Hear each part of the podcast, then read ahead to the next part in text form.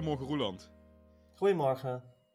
WK dag 24, de dag van de eerste halve finale tussen Argentinië en Kroatië. Ja, Kijk je er naar uit? niet zoveel als naar die halve finale van morgen. Oh, daar kijk je meer naar uit dan naar deze? Ja, zeker. Omdat het Marokko is of omdat je eh, gewoon niet meer uitkijkt naar Argentinië? Nou, het sowieso Marokko tegen de voormalige koloniale overheerser Frankrijk is wel een, ehm, wel een, eh, nou ja, een heel interessant affiche. Mm. Dat heb ik wat minder bij, bij Argentinië-Kroatië. Ehm, dus, maar het is een halve finale van een WK, dus eh, natuurlijk kijk ik er, eh, heb ik er zin in. Hoe dan ook heb je er zin in. Oh, want ik heb het juist, inderdaad, ik kijk enorm uit naar Marokko-Frankrijk, maar ik verwacht meer van deze wedstrijd. Als in dat het, dat het spannender wordt. Hoe? Eh, ja, maar daar moet ik dus weer voorzichtig mee zijn, want eh, in Marokko heb ik me dus al een paar keer vergist. Eh, maar ik denk inderdaad dat dit spannender kan worden. En niet zozeer qua voetbal, want ik denk inderdaad dat het voetbal juist minder wordt vandaag. Omdat, eh, nou ja, allebei hebben ze niet heel mooi voetbal laten zien, Kroatië en Argentinië. Kroatië in één wedstrijd wel en Argentinië in die laatste 20 minuten tegen Australië. of Australië. tegen Australië vond ik ze ook wel goed hoor in die laatste. Maar ja, de Polen was hun beste wedstrijd. zou ik Ja, die laatste wedstrijd in de groepsfase tegen Polen was een beste wedstrijd. Maar Kroatië had die tweede pot. Vond ik ze het beste toen.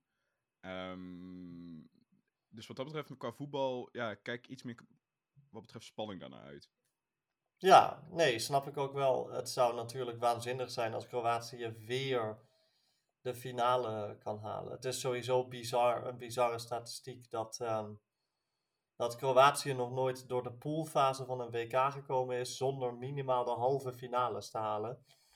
Dat staat nou nog steeds eh, drie keer in totaal. Dus het zijn echte cupfighters. Sorry trouwens als ik een beetje kortademig ben. Ik heb nog steeds last van de verkoudheid.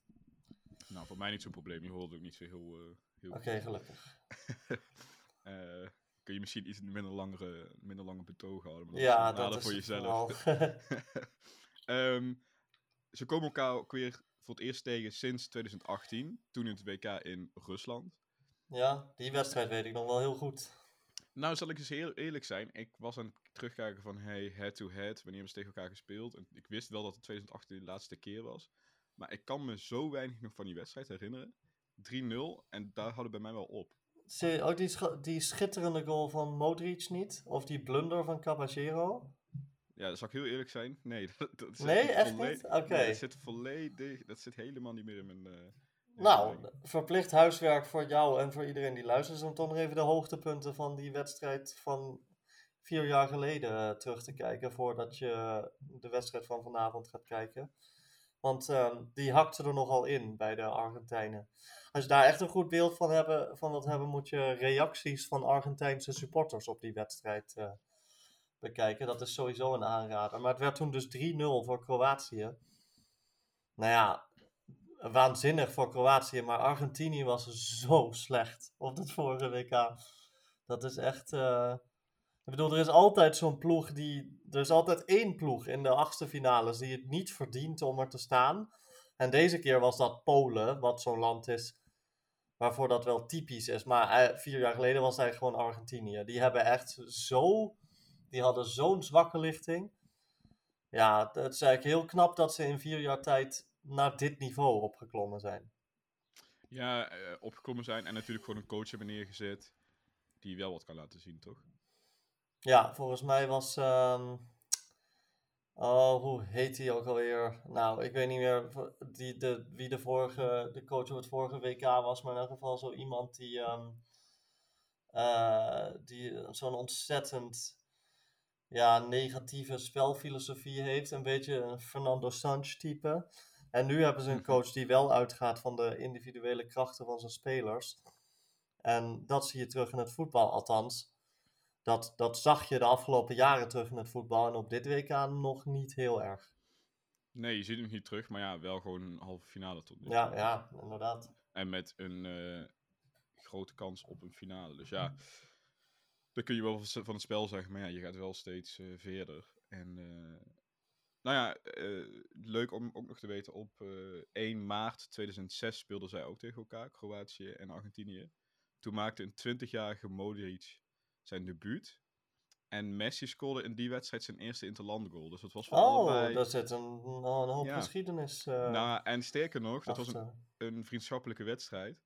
Die na zes minuten al 1-2 stond voor Argentinië. ja, eh, en uiteindelijk wint eh, Kroatië die wedstrijd met 3-2. Modric scoort niet, maakt wel dus zijn debuut. Eh, Messi scoorde toen wel, dat was zijn eerste interlandgoal. En nu komen ze elkaar dus tegen. En voor allebei zou het wel eens de laatste interlandwedstrijd kunnen zijn voor hun land. Mm, ja, als ze dan de strijd om de derde plaats niet meedoen. Ehm, Eh, ja, ja oké, dat klopt mijn verhaal inderdaad niet helemaal. ja. Want je hebt daarna die derde plaatswedstrijd nog. Ja, dat is toch ook wel een beetje ondankbaar, hè? Je laatste interland afwerken Ja. in de strijd om de derde plaats. Moet je bij, ik weet, we hebben het over Messi gehad gisteren, ehm, maar je moet er bij geen van beiden aan denken dat inderdaad dat hun laatste interlandwedstrijd wordt. Zowel niet voor Modric als niet voor Messi. Nee, maar dat zal toch denken. voor één van de twee waarschijnlijk wel... Ja, eh, wel het geval zijn. Dus, Ja, tenzij ze nog een soort uitzwaaiwedstrijd doen of zo. Ik bedoel, dat, eh, eh, daar hebben dit, dit soort spelers zeker de statuur voor. En ehm, ik, ik, nou ja, niet om het dan weer over Ronaldo te hebben, want ik ben blij dat hij het toernooi uit is. Maar hij staat nu nog gelijk als het gaat om meeste interlands ooit van een mannelijke profvoetballer. En ik weet zeker dat hij nog één vriendschappelijke wedstrijd ter ere van hem mee gaat spelen voordat hij er definitief een punt achter zet. Puur zodat hij dat record nog kan pakken. Nou ja, los van dat er voor Messi en Modric geen records te pakken vallen. Ehm, wie het ook wordt die hier uitgeschakeld wordt. Ja, ik hoop maar dat ze, dat ze in ieder geval nog een beetje een thuiswedstrijd kunnen spelen met een enorm publiek erbij of zo. En niet dat ze in de strijd om de derde plaats ergens in, een, in het Khalifa-stadion in Al Rayyan eh, ja, de apotheose van hun interlandcarrière beleven. Ja, waar de helft van de tribunes gevuld is. Van, ja, boeien, weet je. Ja, nee, Aan de andere kant, als dat je laatste kans is om Messi nog te kunnen zien, als hij die troostfinale speelt, misschien moet je je kans voor Ja. begrijpen. Ik denk toch dat Messi wel, wel eh, dat stadion vol zou krijgen. Modric, ja, die heeft toch, die is toch wat minder lang eh, echt wereldklasse geweest, snap je? Die is, dat was wel een beetje een laadbloeier. Oh, absoluut. Maar je, je- dat is gewoon vergelijkbaar met eh die Iniesta en Xavi van toen. Ehm, ja, dat, het zit echt bij lange na nog niet op, de, op het populariteitsniveau van een Messi, een Ronaldo, een Neymar, een Mbappé. Ja. Dat is nog, daar zit nog zo'n kloof tussen, dat is echt ongelooflijk. Heel even over, je had het net over Ronaldo, dan wil ik heel even, heel even een stapje maken naar Portugal. Eh, ik zat die wedstrijd van Portugal en Marokko te kijken met een vriend. En toen moesten wij al lachen hoe eh, Pepe over het veld rende met zijn arm zo vast. En met een grimas, met, met heel veel pijn op zijn gezicht. ja. en dat blijkt nu gewoon omdat hij zijn onderarm gebroken had in die Wat, wedstrijd. serieus? Ja, ja, dat is Oh. ongelooflijk hè. Die kans dus waar Wat hij een dat, kerel. ja, die kans dus waar hij dat eh, met die kopbal en waar hij dat kusje op zijn hoofd krijgt, daar heeft hij zijn arm al gebroken. En hij rent inderdaad over het veld Jeetje. en hij gebruikt zijn rechterhand of zijn linkerhand, ik weet even niet welke nou gebroken was, als een soort mitella om hem vast te houden. En hij blijft over dat veld rennen. ja, dat is echt niet te geloven. Ongelooflijk. Ja, dat vind ik wel iets voor hem. Ja, dat, dat kan ook alleen maar bij hem inderdaad. Of, Ja. Voor je gevoel. Maar, Maar dit was wel de allerlaatste keer dat we hem in een toernooi gezien hebben, toch? Het zal toch niet dat hij op het EK over anderhalf jaar weer... eh, Ja, ik heb geen idee. Hij is nog wel altijd redelijk eh, goed hoor. En ook bij Porto. Maar eh, ik denk dat inderdaad ook bij Portugal nu wel doorgeselecteerd zal gaan worden. Want ik neem aan dat Fernando Sanch eh, het veld eh, moet gaan ruimen. Dat hopen we maar. Over het veld ruimen gesproken Garrett Southgate, maar daar komen we dadelijk nog wel even op. Misschien moeten we nog heel even bij Argentinië en Kroatië blijven. Ehm, want wat verwachten we nou echt van vanavond? Want wel, welk, het middenveld van Kroatië is toch echt veel beter dan dat van Argentinië? Ja, Om het maar ook gelijk in cijfers uit te drukken. We, hadden het, we hebben het al gisteren een paar keer benoemd, Brozovic. Eh, vandaag verscheen er, eh, vanochtend verscheen op VI een stuk over hem. Ehm, hij is nu, hij bezit nu de eerste en tweede plaats van meeste kilometers afgelegd, afgelegd in een WK-wedstrijd ooit. De, voor, of, eh, de tweede plek was in 2018 tegen Engeland. Dat was 16,3 kilometer in een wedstrijd. En eh, de eerste plaats is van dit eh, toernooi. Dat was de wedstrijd tegen Japan, de achtste finale.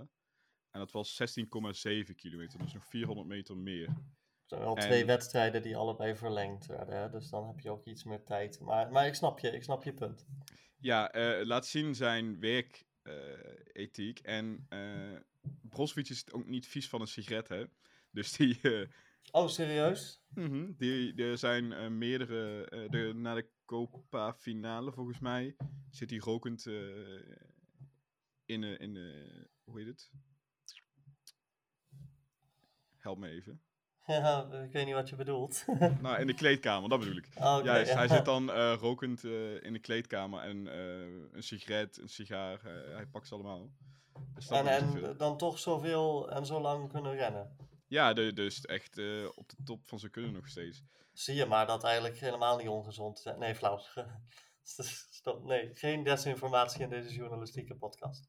Oké, daar ga ik er gewoon overheen praten. Ehm, hij, is de hij staat op de tweede plaats met de meeste passes op dit WK. Eh Rodri van Spanje staat nog steeds eerst. Nou, die gaat ook niet meer ingehaald worden, denk ik.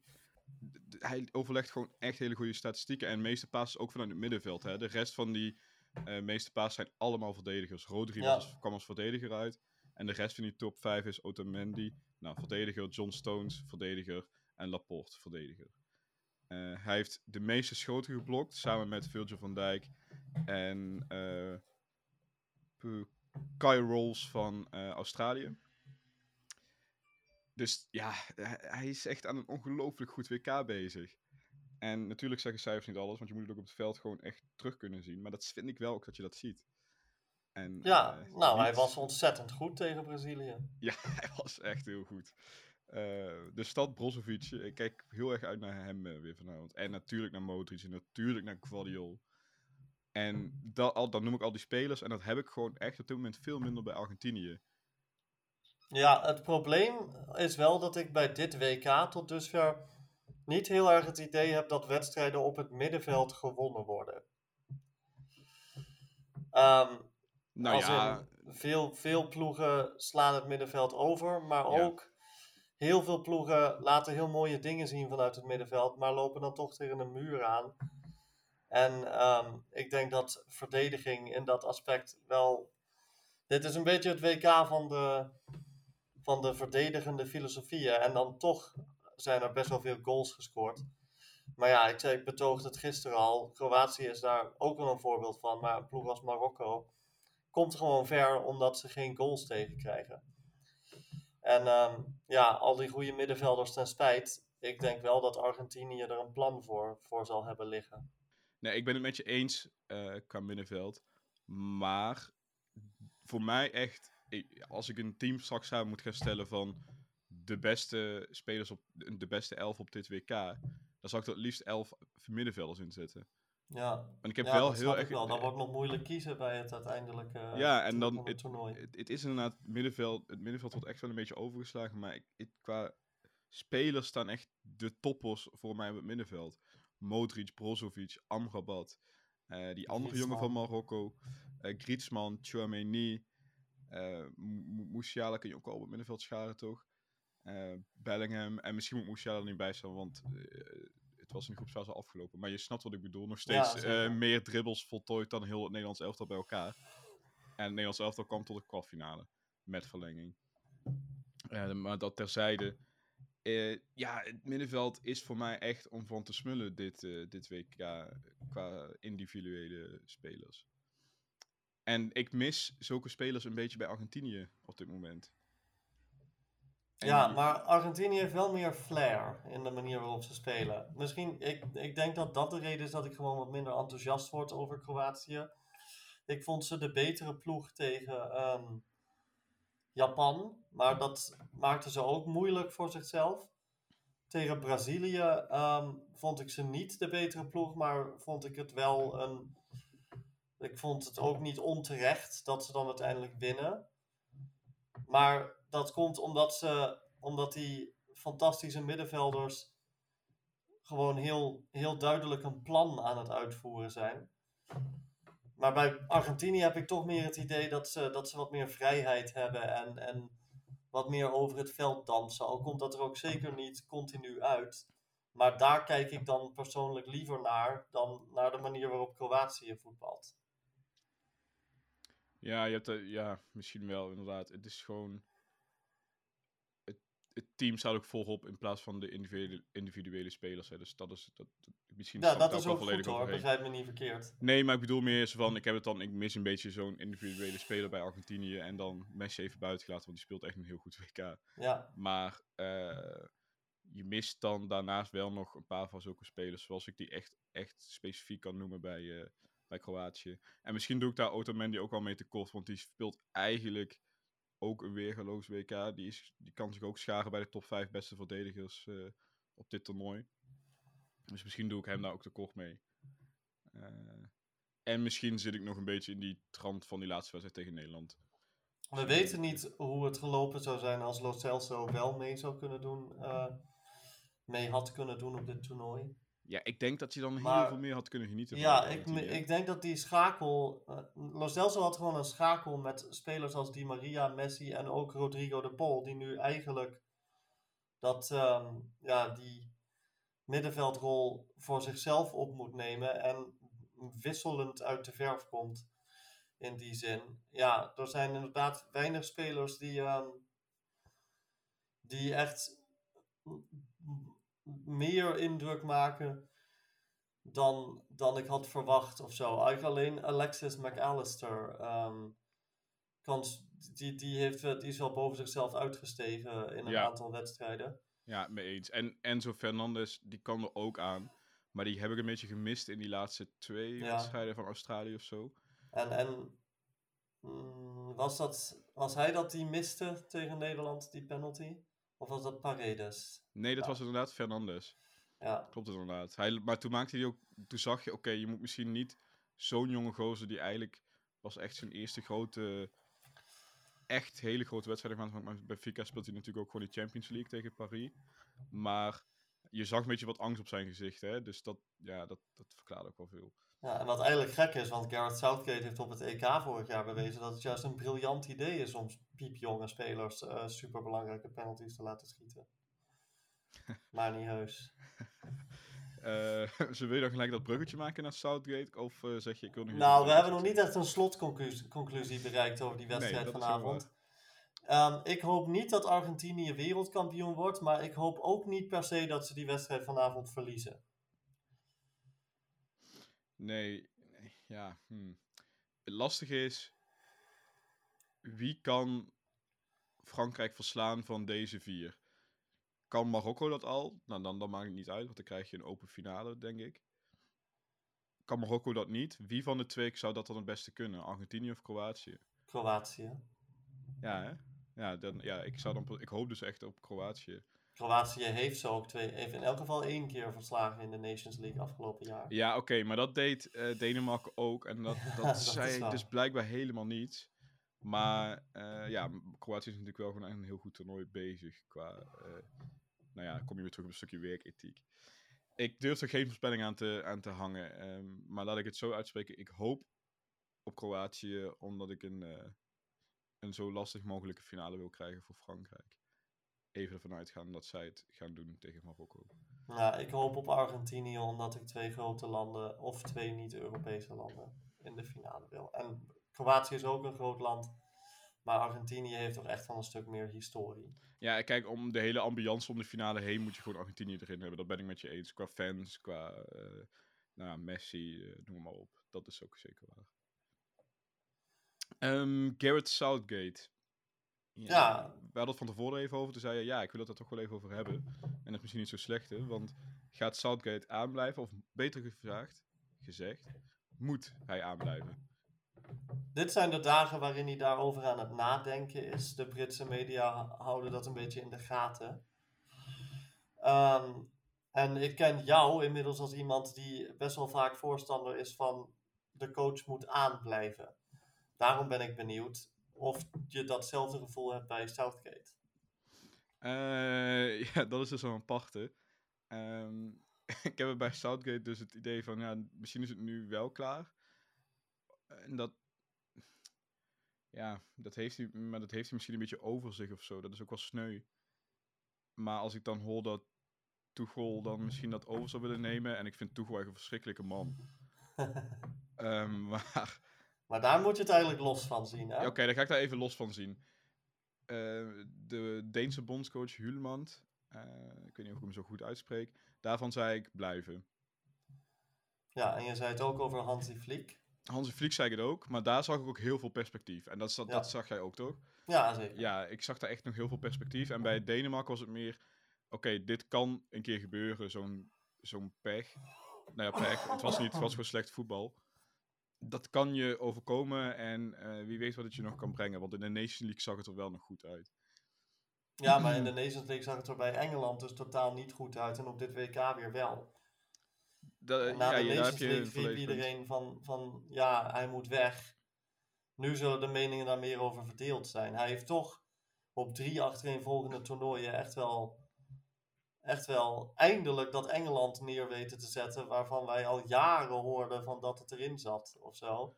Maar had je niet gewoon, in, dat is zo, op die afgelopen drie toernooien, maar had je niet op die afgelopen drie toernooien gewoon één keer mo- minstens moeten winnen dan? Want misschien Ja. is, je, hij heeft nu zeg maar drie van zulke kansen gehad en inderdaad, hij heeft het goed gedaan, is ver gekomen. Eh, een finale, een halve finale en nu dan een kwartfinale, maar dat had ook net zo goed een halve finale kunnen zijn. Want wat jij gisteren al zei, ze waren eigenlijk wel beter dan Frankrijk.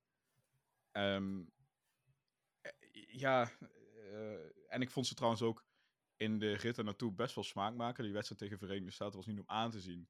Maar verder was het soms best Ja, wel heel erg leuk om naar te echt, kijken.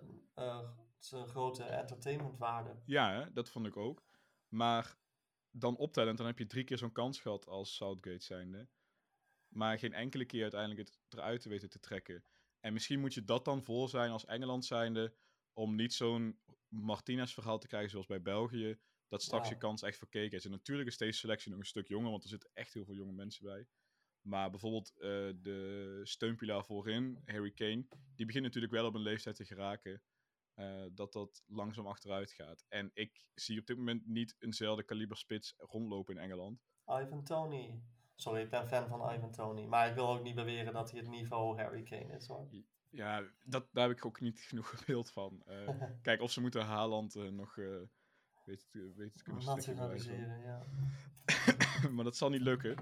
Ehm, dus ja, dat, wat dat betreft, je volgende kans is over anderhalf jaar op dat EK. En misschien moet je dat wat verser ingaan met een nieuwe bondscoach. Dat is meer mijn gedachte erachter. Als je aan zou blijven, helemaal niet zo gek. Maar het is meer, je hebt drie kansen gehad nu. We gaan het nu gewoon met een ander proberen. En dan met alle respect uit elkaar gaan. Ik vind dat als hij blijft, dan moeten ze eigenlijk gewoon zeggen, hoe dan ook, maakt niet uit wat er gebeurt. Het EK 2024 is het laatste toernooi waar jij bondscoach bent.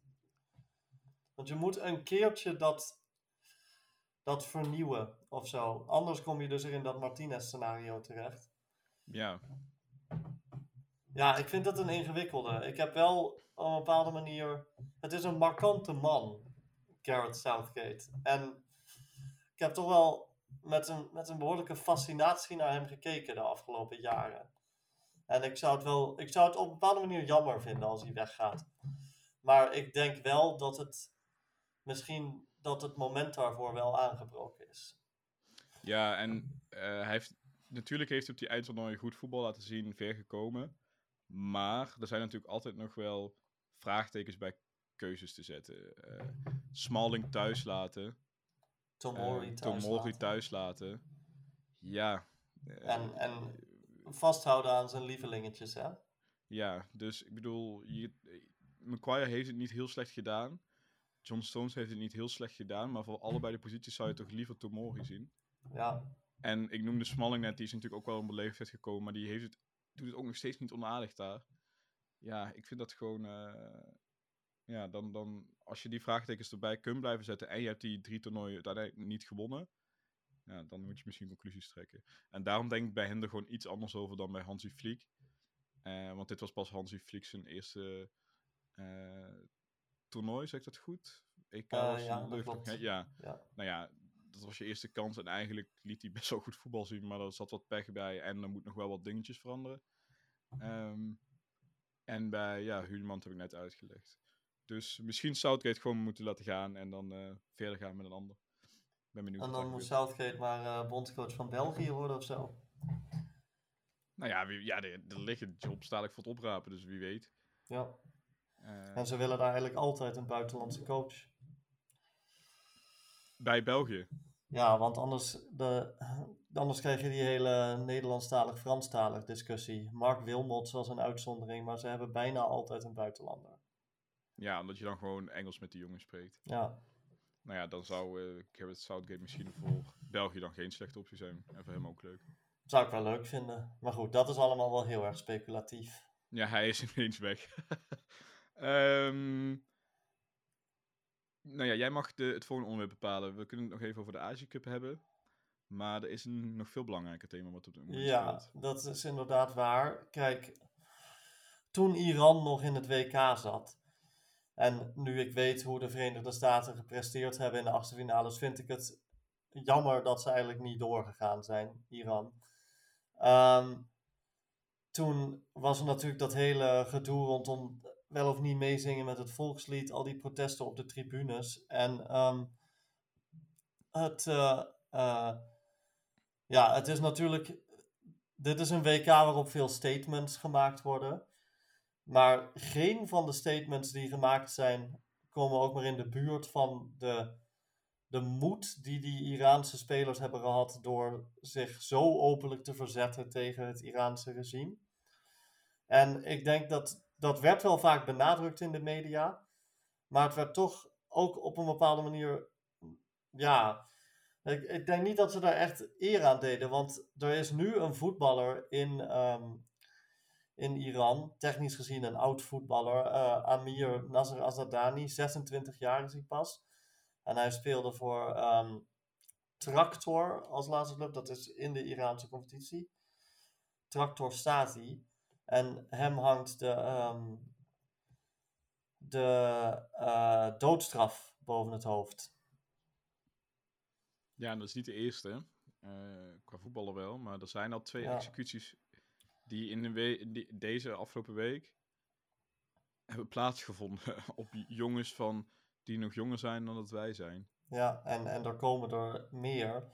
Maar ja, omdat dit een voetballer is, is dit een, eh, dat maakt het relevant voor deze podcast. Ja, absoluut. Ehm, dit is wat die, wat die Iraanse voetballers op het WK hebben laten zien. Zeker de spelers die in Iran actief zijn. Dat is echt ehm, eh, een van de meest onverschrokken, een van de meest onverschrokken eh, uitingen in de WK-geschiedenis. En dat ze, daar zouden eigenlijk veel meer mensen het over moeten hebben. Ja, Het was echt, echt heel erg, erg beklemmend op een bepaalde manier. en toen werd al gezegd van, hey, dit doen ze echt met gevaar voor eigen leven. Ehm, ook omdat families daar gewoon wonen. En, en ga zo maar door. Maar, en dat zeg je dan, maar dat heeft dan niet gelijk een bepaalde ehm, emotionele dekking of zo. Omdat het nog niet vatbaar is. Maar als er nu twee jonge jongens geëxecuteerd zijn, waarvan één gister, gisterochtend of gistermiddag publiekelijk in Mashhad aan een hijskraan, dat is echt gruwelijk. Ja, dat is echt heel verschrikkelijk. Dat is echt gruwelijk. Dat is echt. Dat, kun je, je kan dat, ik kan het niet eens onder woorden brengen. En Dan wordt kan het alleen een stuk vatbaarder. Dan, dan is het een stuk ja, echter of zo. En dan besef je pas wat die jongens eh, op het WK hebben gedaan. Maar nog meer wat allemaal die jonge, jonge jongens en meisjes nog elke dag doen in Iran. Ja, dat is echt zo ontzagwekkend dat ze, dat ze er toch gewoon mee doorgaan. En ik kan me natuurlijk heel moeilijk verplaatsen in de Iraanse regering. Dat, wat ik een positieve karaktereigenschap vind. Ehm, maar ik kan me ook goed voorstellen dat het geen toeval is dat ze net een profvoetballer uitkiezen om, eh, om ja, op death row te zetten. Ik denk dat dat toch iets moet uitstralen naar hè, publieke figuren, zoals voetballers. Hij wordt dan gewoon. Hij, hij wordt nu toch gewoon, gebruikt als een soort martyr, zeg maar. Eh, nou ja, dat is dan meer vanuit de kant van de demonstranten. Hij, hij hij is meer gewoon een soort voorbeeld. Van kijk maar uit, want we schromen er niet voor om ook, om ook publieke figuren op te knopen. Ja, man. Ja. Nou ja, ik wilde toch gewoon nog maar even onderstrepen dat we tijdens de groepsfase bij de wedstrijden van Iran echt getuigen zijn geweest van iets, van iets heel dappers. En ehm, ja, we hebben ook gezegd toen dat we het in de gaten zouden blijven houden. Dus ik vind dan ook wel dat we, dat op deze manier onze due diligence moeten doen. Wat deze meneer Assadani betreft, de FIFA heeft zich ermee bemoeid, FIFPro heeft zich ermee bemoeid. Amnesty volgens mij ook. Ik hoop met, met ja, ik hoop met alles wat ik heb dat ze ehm, iets kunnen klaarspelen voor hem, maar het ziet er niet goed uit. Willen we hiermee afsluiten of willen we nog heel even over die Azië Cup hebben? Laten we het nog maar even over de Azië Cup hebben. ik vind het ook wel eh, fijn om wat luchtigers uh, te hebben. Ja. Ehm, want, uh, nou ja, we komen de hele tijd terug op Qatar en wat voor, wat voor um, agenda Qatar eigenlijk heeft in een, in een wereldwijd oogpunt. En hoe eigenlijk die agenda geaccelereerd is ook door de, um, door de oorlog in Oekraïne. En ik weet niet of je het nieuws uit het uh, Europees Parlement hebt meegekregen de afgelopen week. Durf ik zo niet te zeggen. Oké, ja, er zijn een aantal Europarlementariërs van de Sociaaldemocraten gearresteerd. Uh, en en um, uh, medewerkers, omdat ze steekpenningen aangenomen zouden hebben. En eerst werd er nog een beetje vaag over gedaan. Toen was het van, ja, die steekpenningen waren afkomstig uit een land in de Perzische Golf. Nou ja, dan weet ik meteen over welk land het gaat, namelijk Qatar. Dat is inmiddels ook uh, hardop uitgesproken dat, dat de verdenking naar Qatar ligt. Dus ze proberen ook actief um, invloed te kopen in de Europese politiek. Dit is echt een, uh, een, wat dat betreft een land dat op aanvalspad is. Wat heeft dat nou met die Azië Cup te maken? Nou ja, eigenlijk alles. Net zoveel als dat het met het WK te maken heeft. Um, de Azië Cup van volgend jaar, volgend jaar zomer, zou eigenlijk in China gehouden worden, maar vanwege die um, COVID-lockdowns heeft China gezegd van, uh, nou, we willen het niet meer doen. En toen heeft Qatar meteen de kans gegrepen om zich aan te bieden bij de um, Aziatische Voetbalbond van, uh, hallo, wij, um, uh, wij willen dat toernooi wel organiseren als jullie iemand nodig hebben. Terwijl ze dat 12, ja, 11 jaar geleden ook al gedaan hebben. En uh, daar is dus meteen zo ongeveer ja tegen gezegd. Er was niet eens echt een soort verkiezing of zo, terwijl er wel andere kandidaten waren. En met vragen waren er andere kandidaten, maar Ja, nee, er waren andere kandidaten. Um, of maar, wel, dus bedoel ik, maar niet naar geluisterd. Nee, het is gewoon meteen op Qatar gevallen. En dat is dus weer een manier voor Qatar om de wereld uit te nodigen in, um, uh, ja, in zijn eigen voortuin. En die diplomatieke invloed op die manier te uh, vergroten. Ik bedoel, we hebben al gezien op dit WK hoeveel. Uh, dat er toch een aantal gasdeals uit, uh, uitgevloeid zijn. Ministers die hier langskomen. Duitsland heeft een gasdeal uitgesleept, bijvoorbeeld. Ondanks dat hele One Love gebeuren. Dat maakt er dus toch eigenlijk niet zoveel uit als ze zeggen dat het doet. Ja, dat is echt wel iets waar je, wat je op moet zeggen. En trouwens, natuurlijk wordt het dan verplaatst van volgend jaar zomer naar uh, de januari, februari 2024. Want ja, in de zomer kan je niet voetballen in Qatar. Dat hebben we al geconcludeerd. Dus dat is ook weer vervelend voor de Europese clubs. Maar ja, dat, er is iets aan Qatar waardoor, waardoor instanties zoals de FIFA, de Aziatische Voetbalbond en dus ook bepaalde onderdelen van regeringen gewoon hemel en aarde bereid zijn te verzetten Um, en ik vind dat toch wel eng om dat ook tijdens dit WK van zo dichtbij mee te maken. Want, want je ziet gewoon, Qatar wil iets en het gebeurt. De FIFA laat zich voor hun karretje spannen. En, en dat geeft de, de kracht van gas hebben wel heel erg, dat onderstreept het wel heel erg. En dat uh, als ik dan denk aan dingen die ik me echt nog ga herinneren van dit WK, is het dat wel. Dat je echt gewoon um, echt heel goed hebt kunnen zien hoe snel mensen op hun knieën vallen uh, als een land met gas eisen stelt. En um, ja, dat, dat, dat vind ik confronterend. En dan gaan ze dus met de Azië Cup opnieuw een kans voor krijgen. Nou ja, en ze hebben zich aangeboden voor, dat, eh, voor die Olympische Spelen waar we Ja, over ja, hebben gehad. precies. Dus ja, eh, je begint je langzaam niet meer te verbazen als dat ook eh, werkelijkheid gaat worden. Nee, inderdaad. Het, het, lijkt wel alsof alles wat ze willen ook gewoon uitkomt. En Ja. dat is toch wel eh, dat is schokkend. Ehm, eh, en het geeft toch aan in hoeverre gas en olie deze wereld domineren. Ehm, En dat steeds meer doen.